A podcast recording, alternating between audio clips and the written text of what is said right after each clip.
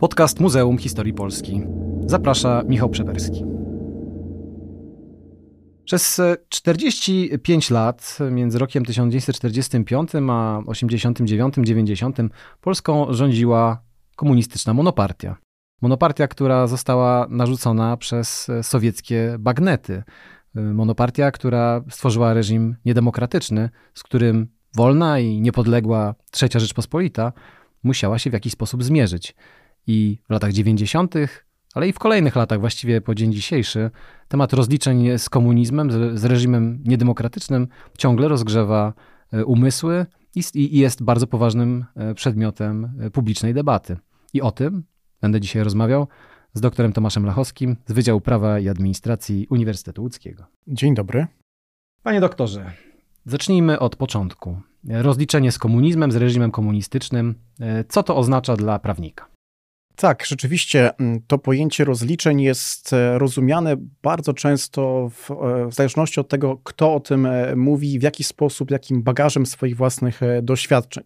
Z pewnością rozliczenie w takim potocznym sensie, ale i prawniczym dotyczy najczęściej pewnego działania państwa w zakresie osądzenia reżimu, który nie był demokratyczny, który naruszał prawa człowieka, który represjonował mm, e, społeczeństwo, nie tylko przecież opozycjonistów, ale generalnie wpływał na, e, na inżynierię dusz, tak, był właśnie takim konstruktem narzuconym. E, z pewnością w odczuciu społecznym takim potocznym, najczęściej to się kojarzy z prawnokarnym rozliczaniem, czyli osądzaniem konkretnych osób za dokonane zbrodnie, za e, naruszone prawa człowieka, w tym najczęściej przywódców e, państwa politycznych, ale też i wojskowych, jeśli rzeczywiście taka sytuacja e, również dotyczy działalności armii. Natomiast rozliczenia w sensie prawnym, e, w sensie prawno-międzynarodowym, ale też prawno-krajowym dotyczą szeregu różnych, e, różnych aspektów, które nie tylko należy, należy patrzeć na nie z wyłącznie z perspektywy prawa karnego. Generalnie powiedziałbym, że to jest taka triada oczekiwań społecznych dotyczących e, trzech bardzo ważnych wartości: sprawiedliwości, rzeczywiście osądzenia konkretnych osób, prawdy, czyli tego, co wydarzyło się, e, jak system e, właśnie pracował, jak naruszał prawa człowieka, jak zniewalał społeczeństwo oraz takie oczekiwanie co do naprawy krzywd historycznych, krzywd, naruszeń, pewne swego rodzaju reparacje, które dana osoba, czy rehabilitacje, które dana osoba rzeczywiście represjonowana może od państwa już demokratycznego uzyskać. E, pytanie, czy to się stało w Polsce po komunizmie, jest pytaniem, które z pewnością dzieli społeczeństwo do dzisiaj.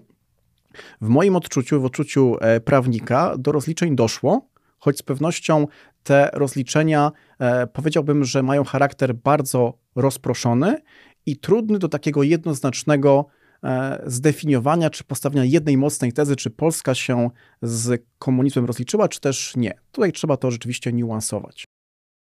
No, czyli rozumiem, że to nas prowadzi do takiego spostrzeżenia, czy do takiej tezy, że trudno powiedzieć, albo Polska trochę się rozliczyła, a trochę się nie rozliczyła. To myślę, że z punktu widzenia e, historyka to jedno, ale też z punktu widzenia obywatela Trochę niesatysfakcjonująca odpowiedź. Z pewnością tak, ale kiedy spojrzymy na generalnie nasz region, czy nawet szerzej na państwa, które również zmagały się z autorytaryzmami, jak na przykład tam w Ameryce Łacińskiej, wiele reżimów, prawda, hunt wojskowych, czy rzeczywiście doszło do pełnego rozliczenia z tymi systemami? No niekoniecznie. To wynika z bardzo wielu czynników i prawnych, ale też i politycznych, może nawet przede wszystkim politycznych, często też ludzkich, bo e, właśnie nieraz e, to ten czynnik psychologiczny czy ludzki powoduje, że e, dane osoby konkretne podejmują takie, a nie inne decyzje, które potem zaważają na całym społecznym odbiorze właśnie procesu rozliczeń. W Polsce nie było inaczej. No dobrze, to zacznijmy jeszcze raz od początku. Spróbujmy sobie odpowiedzieć na pytanie i ciekaw jestem, co pan powie na ten temat.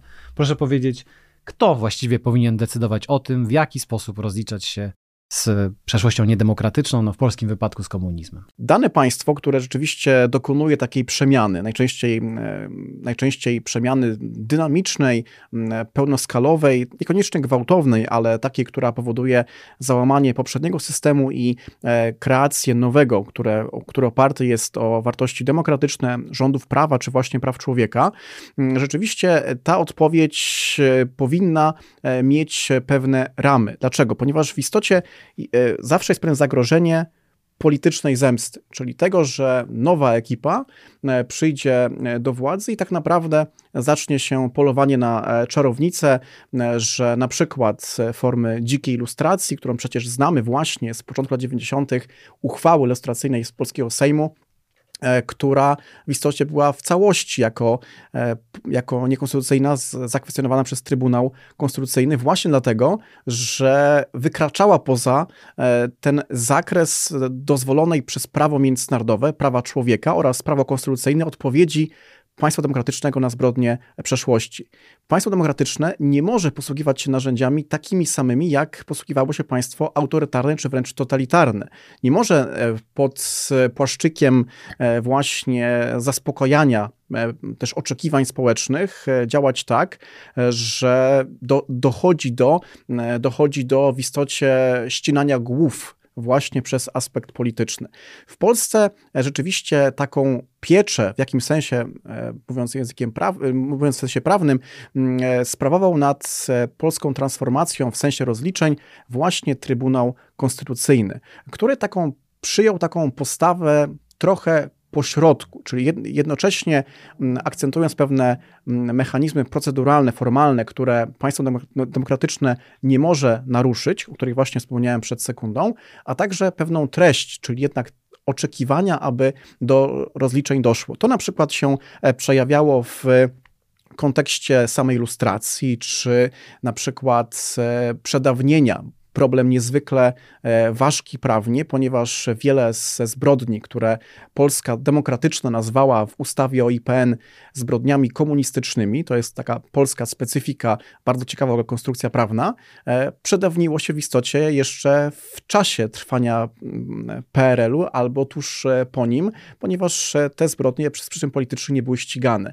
To bardzo trudny problem, bardzo ważki problem, jak właśnie pogodzić e, kwestię demokracji, e, która przecież na przykład dotyczy e, gwarancji prawnokarnych w postaci tego, że prawo nie działa wstecz, że trzeba karać tylko na podstawie prawnej, a nie właśnie bez niej, z tym oczekiwaniem, że do rozliczeń w sensie sądowym dojdzie. W Polsce z tym rzeczywiście mieliśmy chyba największy problem, bo doszło do na mocy ustawy z 1995 roku do odnowienia terminów przedawnienia części e, zbrodni komunistycznych, ale na przykład e, w ramach tej części jeszcze część z nich właściwie tylko fikcyjnie zostały odnowione, ponieważ w istocie, kiedy ustawa weszła w życie, e, już te przepisy się jakby ponownie przedawniły. Czyn, karalność czynów przestępczych właśnie odpowiednich władz komunistycznych.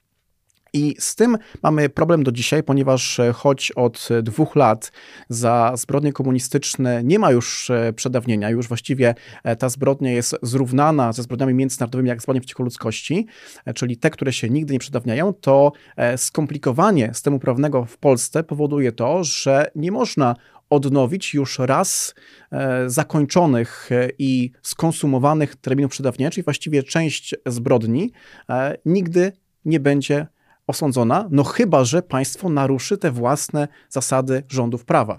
No muszę powiedzieć, że jako teraz y, przybiorę szaty y, obywatela Rzeczpospolitej Polskiej, muszę powiedzieć, że to, co pan powiedział, to budzi moje bardzo dużo, bardzo daleko idące y, zastrzeżenia i mam takie poczucie, że Rzeczpospolita Polska właściwie umywa ręce od jakiejś próby zmierzenia się z ze zbrodniami komunistycznymi, czy, czy, czy, czy generalnie z szeroko pojętym aksjologicznym złem systemu y, komunistycznego, właściwie z tego, co pan mówi, to wynika, że właściwie popadliśmy w jakiś imposybilizm i nic się nie da zrobić. Czy to znaczy, że y, prawnicze sposoby rozliczenia się z, z, z rzeczywistością komunistyczną to, to, to nie jest najskuteczniejsza, najlepsza droga. Powinniśmy szukać innych, nie wiem, bardziej symbolicznych, historycznych, takich, które będą wpływały na, na pamięć o, o komunizmie, ale niekoniecznie na to, że e, ci, którzy postępowali przed 1989 roku w oczywisty sposób źle, poniosą jakieś konkretne konsekwencje? To nie jest tak, że państwo nic e, nie robi, czy nic nie robiło w tym zakresie, e, choć rzeczywiście kolejne kroki ważnych organów konstytucyjnych budzą pewne wątpliwości. Na przykład w 2010 roku Sąd Najwyższy w swojej uchwale właśnie stwierdził, że raz przedawnionych terminów nie można już odnowić. E, to była, to była e, interpretacją ustawy z 1995 roku. Rzecznik Praw Obywatelskich w 2016 roku złożył odpowiedni wniosek do Trybunału Konstytucyjnego właśnie, aby orzec o tym, że w istocie to spostrzeżenie pana redaktora, czyli niespełnienia oczekiwań społecznych jest również wbrew prawom człowieka, wbrew właśnie prawu do prawdy, do sprawiedliwości czy do naprawy historycznych naruszeń e, i że ten formalizm prawniczy, ten legalizm nie może stać naprzeciw e, właśnie oczekiwaniom e, wręcz całego narodu albo znacznej jej części. Trybunał Konstytucyjny w ostatnich latach jednak stanął po stronie legalizmu, formalizmu e, prawniczego, co o tyle budzi jeszcze większe zdziwienie, że przecież ten Trybunał, już nie wchodząc w wątki e, polityczne, jest jednak skonstruowany, czy, e, czy jego członkami są sędziowie, którzy z pewnością wywodzą się z pewnej tradycji jednak konserwatywno-prawicowej, którzy co do zasady powinni dążyć do właśnie rozliczeń z komunizmem. To pytanie, czy tutaj ten formalizm sędziów Trybunału nie przysłonił oczekiwań społecznych i możliwości osądzenia właśnie dawnych zbrodni. Z drugiej strony, patrząc na porównawczo na e, ilość na przykład aktów oskarżenia, e, które e, są, które, które do różnych sądów było skierowane w Polsce oraz innych krajach naszej części Europy, to w Polsce do, do chwili obecnej mamy 382 akty oskarżenia, które złożyli prokuratorzy IPN-u jest to liczba znacznie wyższa, która przewyższa właściwie wszystkie państwa naszej części Europy, łącznie z państwem niemieckim, które z reguły jest stawiane jako pewien wzór właśnie rozliczenia z NRD, z systemem komunistycznym. Ale jednocześnie przecież e, to takie społeczne, e, społeczna obserwacja, czy takie wręcz odczucie, raczej wskazywałoby na coś odwrotnego, że Polska zaniedbała ten aspekt, prawda, w kontekście twórców stanu wojennego, procesów e, dotyczących sprawców e, zbrodni w kopalni Wujek i tego typu tragicznych wydarzeń. No właśnie, właściwie wyjął pan z, mi z ust kolejne pytanie, bo myślę sobie, że czy to w takim razie powinniśmy y, zupełnie zmienić patrzenie na, na osiągnięcia polskie, jeżeli chodzi o rozliczenie się z komunizmem? Czy rzeczywiście jest tak, że powinniśmy przyjąć, że wyrok E, na Czesława Kiszczaka, albo na wyrok na niższych oficerów, którzy e, de facto byli tylko wykonawcami oczywiście tragicznego i zbrodniczego postępku, jakim było strzelanie do górników kopalni Wujek w grudniu 1981 roku, ale oni jako jedyni zostali e, ostatecznie pociągnięci do odpowiedzialności i skazani prawomocnie wyrokiem sądowym w III Rzeczpospolitej. I to ma, to ma być satysfakcjonujące. Muszę powiedzieć, że to budzi, budzi duży opór.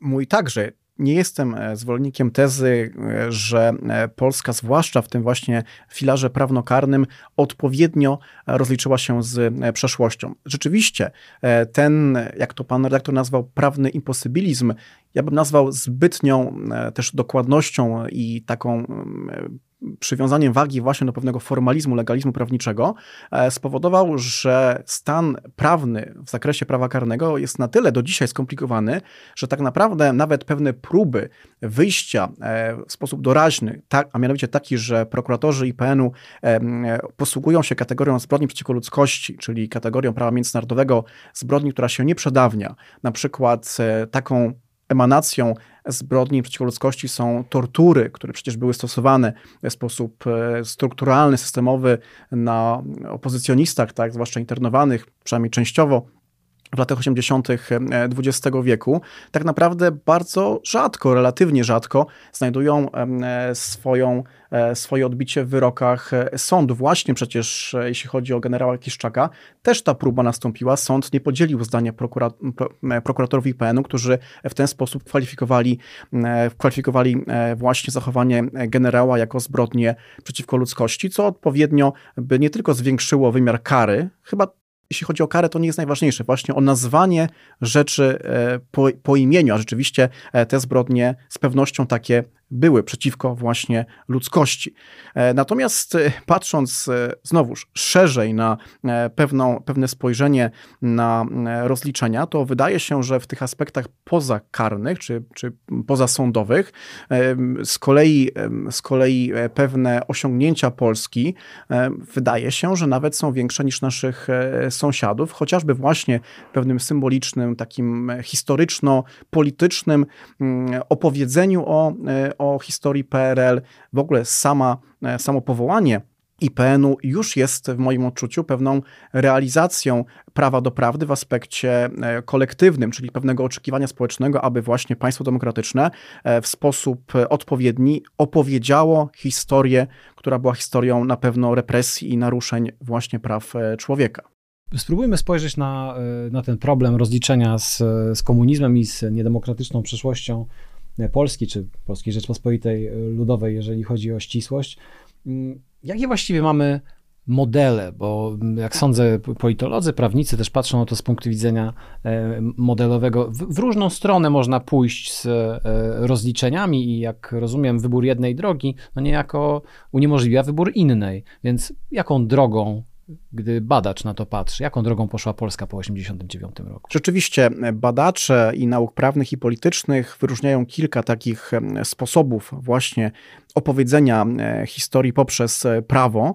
E, w tym przypadku model odpłaty jest takim najbardziej osadzonym na właśnie filarze prawa karnego, czyli to, że rzeczywiście państwo dąży do osądzenia konkretnych sprawców i do pewnych sankcji, nawet w kontekście lustracji, że rzeczywiście na przykład współpraca ze służbami pociąga za sobą pewną, pewną sankcję administracyjną w współczesności. Drugi model to model historycznej e, e, prawidłowości, historycznego opowiedzenia e, właśnie o, o tym reżimie, który, który istniał. Trzeci model to model grubej kreski, tutaj kojarzony przede wszystkim z Hiszpanią po generale Franco, a także model naprawy historycznych krzywd. Wydaje się, że z tych czterech Polska poszła drogą właśnie tej historycznej klaryfikacji, czyli mechanizmy, które przyjęliśmy, na przykład lustracja oparta o konstrukcję kłamstwa lustracyjnego, gdzie państwo sankcjonuje, ale nie działanie przeszłe w systemie komunistycznym, ale współczesne działanie wbrew prawu, czyli kłamstwo tu i teraz na temat swojej przeszłości jest właśnie tego typu e, przykładem, bo gdyby lustracja, e, zwłaszcza w tym wymiarze, e, który partia Prawa i Sprawiedliwość chciała wprowadzić na mocy ustawy 2006 roku, ona rzeczywiście szła w kierunku pewnego modelu odpłaty, czyli pewnej sankcji, która wynikała zarówno za działanie dzisiejsze, jak i przede wszystkim historyczne, właśnie umocowania danej osoby w systemie komunistycznym jako współpracownika tajnych, e, służb bezpieczeństwa, organów bezpieczeństwa PRL. W naszej konstrukcji, która jednak przetrwała e, do e, chwili obecnej, rzeczywiście jakby sankcjonujemy jako państwo działanie współczesne. Czyli jeśli ktoś przyzna się, że był kiedyś współpracownikiem służb bezpieczeństwa, to oczywiście jest pewna sankcja społeczna, polityczna, pewne napiętnowanie, ale może on kandydować w wyborach, może być, może piastować wszelkie funkcje, byleby tylko nie skłamał na swój temat w sensie swojej przeszłej aktywności. E, ten model odpłaty, który badacze e, zestawiają przede wszystkim z państwem niemieckim, jest najtrudniejszym, bo właśnie wymaga tej jednoznacznej prawnokarnej odpowiedzi, a to, o czym mówiłem wcześniej, czyli gwarancje prawa karnego, e, często muszą być oparte o pewien formalizm i legalizm, powoduje, że najtrudniej jest e, rozliczać zbrodnie po latach właśnie na sali sądowej. Natomiast e, ta metoda historycznej klaryfikacji pozwala na nieco szersze spojrzenie na temat rozliczeń, choć w moim odczuciu też zabrakło w polskim systemie pewnej instytucji, na przykład znanej, e, znanej e, państwom Ameryki Łacińskiej, jak Komisję Prawdy i Pojednania. Mogłaby to być nazwa, mogła być to inna nazwa, ale pewna instytucja, która mogłaby właśnie być takim, mm, takim filtrem, przez który e, na początku transformacji przepracowalibyśmy jako społeczeństwo właśnie ten dawny reżim, gdzie na, na, na właśnie na, wzo, na wzorzec e, społeczeństw Argent czy w Argentynie, czy w Chile, pozwoliłoby to przynajmniej opowiedzieć sobie nawzajem e, swoje patrzenie na historię. A niestety w istocie to rozliczanie albo brak rozliczeń do dzisiaj dzieli właśnie polskie społeczeństwo.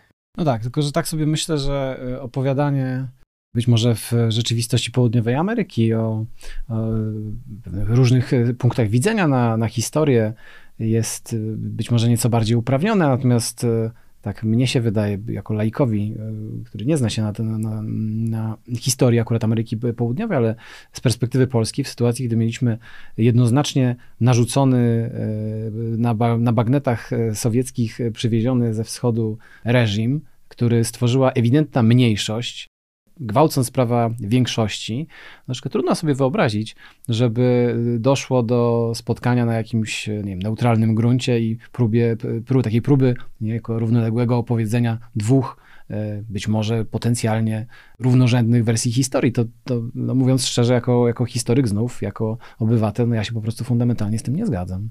Z pewnością są różne na to e, spojrzenia. Wydaje się, że o ile z pewnością, tutaj też nie ma wątpliwości, że cały system był narzucony właśnie przez e, sowieckie bagnety, to im dalej w las, e, tym bardziej stawał się on swój. Jakkolwiek na to nie spojrzeć, zwłaszcza lata 70. czy 80., gdzie w istocie Oczywiście, chociażby kwestia stanu wojennego, kwestia interwencji sowieckiej, które do dzisiaj przecież rozpala umysły i, i serca Polaków w takiej dyskusji, która się chyba nigdy nie skończy.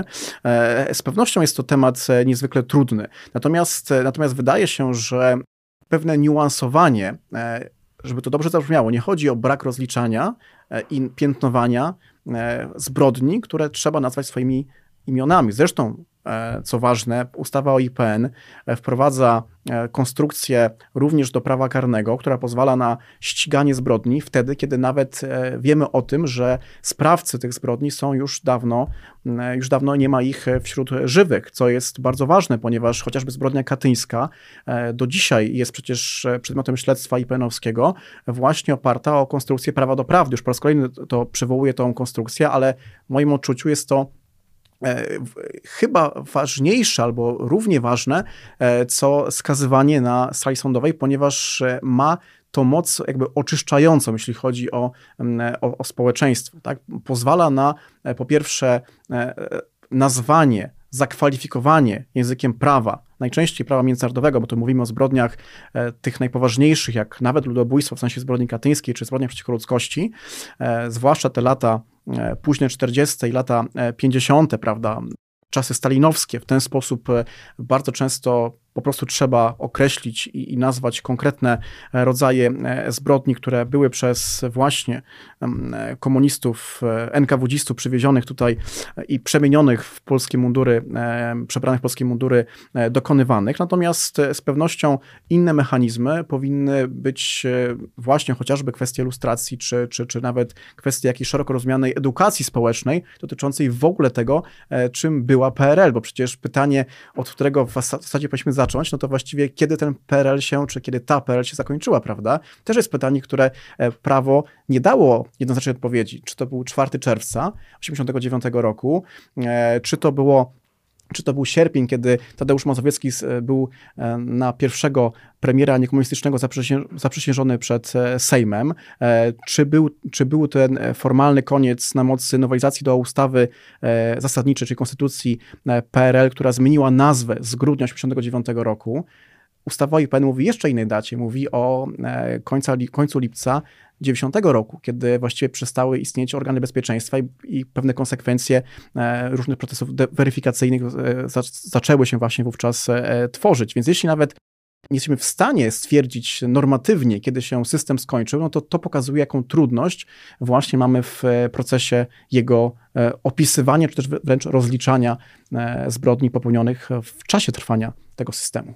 Ale z tego wszystkiego, co pan mówi, ja odnoszę takie wrażenie, że na e, ewidentnego, pozytywnego bohatera e, polskich rozliczeń e, z, komunizmem no, wypada Instytut Pamięci Narodowej. Instytut Pamięci Narodowej rozumiany jako placówka badawcza, edukacyjna. Tutaj myślę, że wiele padło słów o tym, jak istotne jest opowiadanie historii niedemokratycznej przeszłości i, i, no i właśnie dostarczania znaczy konstruowania pewnej prawdy o tym, jak, jak ta rzeczywistość przed 89 rokiem wyglądała. Z drugiej strony tutaj wielokrotnie powoływał pan e, kazusy prokuratorów Instytutu Pamięci Narodowej, e, którzy, no jak, jak sam pan powiedział, zgłosili tak wiele e, aktów oskarżenia, że no właściwie to wypadamy nieoczekiwanie dla mnie, muszę przyznać, na europejskiego czy środkowoeuropejskiego prymusa, jeżeli chodzi o rozliczenia. Na pewno ta instytucja, która, której, wzor, której wzorcem był Urząd Gałka e, w, w Niemczech, a potem e, za z kolei naszym przykładem e, poszły inne państwa postkomunistyczne, jak Słowacja czy Ukraina, która również powołała IPN właśnie na, na wzorzec naszego, jest instytucją niezwykle rozbudowaną, bo oprócz pionu badawczego, historycznego czy edukacyjnego ma właśnie pion śledczy. To nie zawsze się zda, albo wręcz odwrotnie, tego prawie nigdy nie ma, nigdzie nie ma poza, poza Polską, co powoduje, że też pracownicy chociażby IPN-u ukraińskiego bardzo z taką wielką zazdrością patrzą na polski IPN i jego budżet szczególnie, e, który pozwala na tego typu działania. E, czy jest to bohater e, transformacji, rozliczeń? No tutaj oczywiście chyba byłby to zbyt daleko idąca teza, natomiast z pewnością państwo demokratyczne powinno mieć przynajmniej czasowo, pytanie o, o, zakres czasowy, taką instytucję, e, która rzeczywiście trzyma pewną pieczę nad e, procesem, e, który jest wdrażany, żeby nie był on zbyt rozproszony. Oczywiście, jeśli ten proces upolitycznimy, to zawsze rodzi się pytanie, czy ta historia nie jest opowiadana w sposób taki, jaki po prostu sobie zażyczy dana władza, poprzez którą e, dani e, prokuratorzy IPN czy pracownicy IPN po prostu pracują i swoją misję wykonują. To jest pytanie oczywiście bardziej dla historyka czy politologa niż e, dla prawnika, natomiast ja doceniam taką instytucję i też doceniam rzeczywiście pion śledczy, chociaż zdaję sobie sprawę, że jest, że budzi on szereg wątpliwości, zarówno wśród prokuratory, prokuratury krajowej, czy, czy po prostu prokuratorów, którzy pracują poza IPN-em i w zasadzie mają mają e, znacznie więcej pracy niż prokuratorzy IPN-owscy, znacznie mniejsze budżety e, i to też budzi oczywiście taką niechęć, powiedziałbym nawet psychologiczną. Natomiast z perspektywy e, tego, czego mi brakuje, no to na pewno brakuje mi tego, tego modelu naprawy historycznych krzywd. W zasadzie trudno mówić o jakichś jednoznacznych programach naprawczych, E, myślę przede wszystkim o odszkodowaniach e, finansowych za e, dawne zbrodnie. Oczywiście Polska uchwaliła ustawy dotyczące rehabilitacji ofiar represji. Unieważniano wyroki wydane w PRL i to jakby należy za pewien ważny wkład wskazać. Natomiast zabrakło pewnego procesu, który rzeczywiście byłby bardzo trudny, również, również ciężki w sensie ekonomicznym, ale z pewnością również istotny dla tych, którzy, e, którzy w czasie swojej walki o demokrację ucierpieli też dosłownie, tak, którzy potracili e, swoje życie. Tu myślę o, myślę o rodzinach ofiar bezpośrednich czy zdrowie, właśnie będąc, walcząc z systemem represji jeszcze raz powtórzmy, narzuconym z zewnątrz, który rzeczywiście powinien być jednoznacznie osądzony. Ale patrząc na przykład chociażby cze czeski, czy wtedy jeszcze czechosłowacki, e, kiedy rzeczywiście przyjęto ustawę, moim zdaniem e, w naszej części Europy, która najbardziej, najdalej szła w sensie potępienia reżimu e, komunistycznego. To była ustawa 1993 roku o, to była ustawa o bezprawności reżimu komunistycznego i oporu wobec niego. Tak naprawdę rzeczywiście stwierdzono w, wtedy jeszcze Czechosłowacji, że reżim komunistyczny był bezprawny, tak? czyli w sumie była sytuacja lat, dekad nielegalności, ale za tym nie poszły e, żadne dalsze, daleko idące kroki, bo obawiano się w sensie politycznym, że może to po prostu otworzyć puszkę Pandory i no, niekończące się roszczenia odszkodowawcze, czy właśnie e, działania dotyczące procesów karnych, kiedy podobnie jak w Polsce, podobne problemy w sensie przedawnień e, czynów karalnych, e, czy innego wątku dotyczącego skomplikowania prawa karnego, po prostu no, obowiązywały. Więc e, rzeczywiście Polska e, w sensie normatywnym, no chyba tutaj jedynie uchwała Senatu, ale to nie jest prawo obowiązujące, to jest wyłącznie uchwała Senatu 1998 roku, która e, tak naprawdę wskazała na pewną kontynuację trzeciej i drugiej RP, prawda? Właściwie z pominięciem tej narzuconej konstytucji stalinowskiej mm, z 1952 roku. Ale Powtarzam, to jest wyłącznie uchwała bardzo istotna, pokazująca rzeczywiście e, to, tę, tę ocenę prawda, polityczno-prawną reżimu komunistycznego, ale to nie była ustawa, za którą mogły pójść e, dalsze kroki. Także widzimy tę trudność właśnie na tym przykładzie. Zbliżając się do końca naszej rozmowy, no muszę powiedzieć, że e, można mieć pewnie dosyć mocno ambiwalentne odczucia, jeżeli chodzi o to, w jaki sposób Polska się rozliczała i w jakimś sensie uważam, w dalszym ciągu się rozlicza ze swoją, ze swoją przeszłością i prawdopodobnie będzie to proces e, stały i trwały i takie instytucje jak Muzeum Historii Polski choćby i narracja wystawy stałej e, i wystaw rozmaitych czasowych, a także rozmaite publikacje, debaty, całość działalności edukacyjnej również Muzeum Historii Polskiej, a także różnych innych instytucji będzie w dalszym ciągu wchodziła w dialog z przeszłością niedemokratyczną, komunistyczną i będzie nakierowana na to, żeby opowiadać prawdę o, o tym, co przed 89 rokiem e, w Polsce się działo. Natomiast jakkolwiek bym e, nie czuł pewnej ambiwalencji, to e, no, szokujące jest zestawienie doświadczenia polskiego z doświadczeniem postsowieckim, a przede wszystkim mam na myśli współczesną Rosję.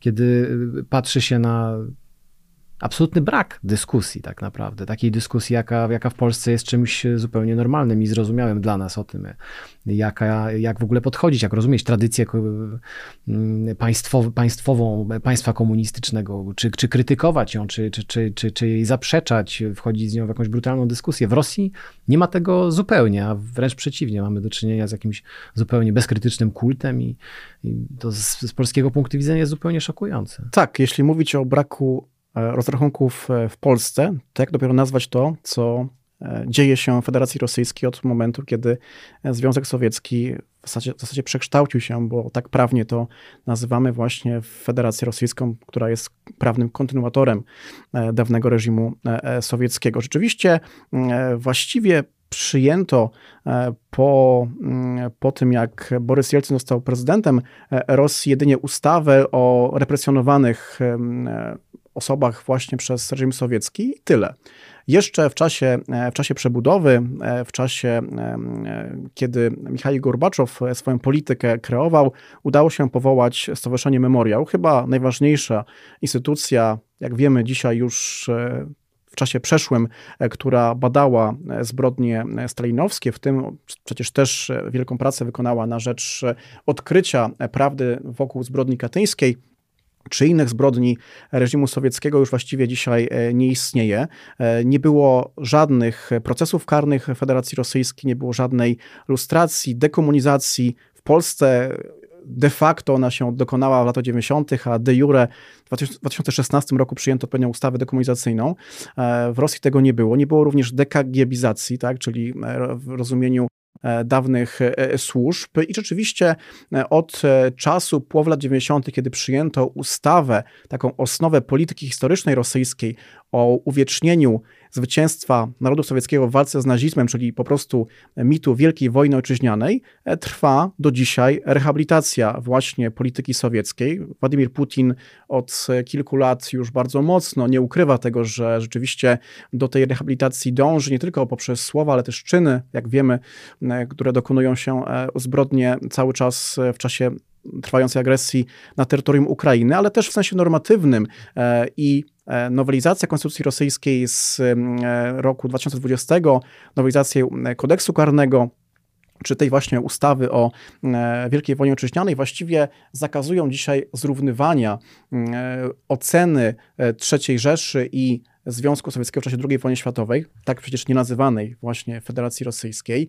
e, zakazują podważania wyroków w Norymberdze, ale oczywiście rozumianego w sposób e, taki, jak Kreml chce go rozumieć, czyli e, że Sowieci byli wyłącznie tymi, którzy, którzy wyzwalali Europę od nazizmu, a nie byli agresorami w Polsce, państwach bałtyckich czy, czy Finlandii. I rzeczywiście dzisiaj ta polityka, którą, którą Rosja znów może nie na bagnetach, ale na e, Iskanderach, Gradach i tego typu e, ciężkim uzbrojeniu e, próbuje ponownie zanieść Ukraińcom, a potencjalnie również innym narodom naszej części Europy, na tym też polega, czyli właśnie na wskrzeszeniu samego Związku Sowieckiego. Oczywiście to może być inna nazwa, to nie jest istotne, ale pewnej, pewnej wersji imperialnej wydarzeń, dla której rozrachunki z przeszłością, nawet w tym rozumieniu poza prawnokarnym, o czym mówiliśmy sobie wcześniej w kontekście Polski, też nie mają kompletnie miejsca. Przecież to właśnie odrzucenie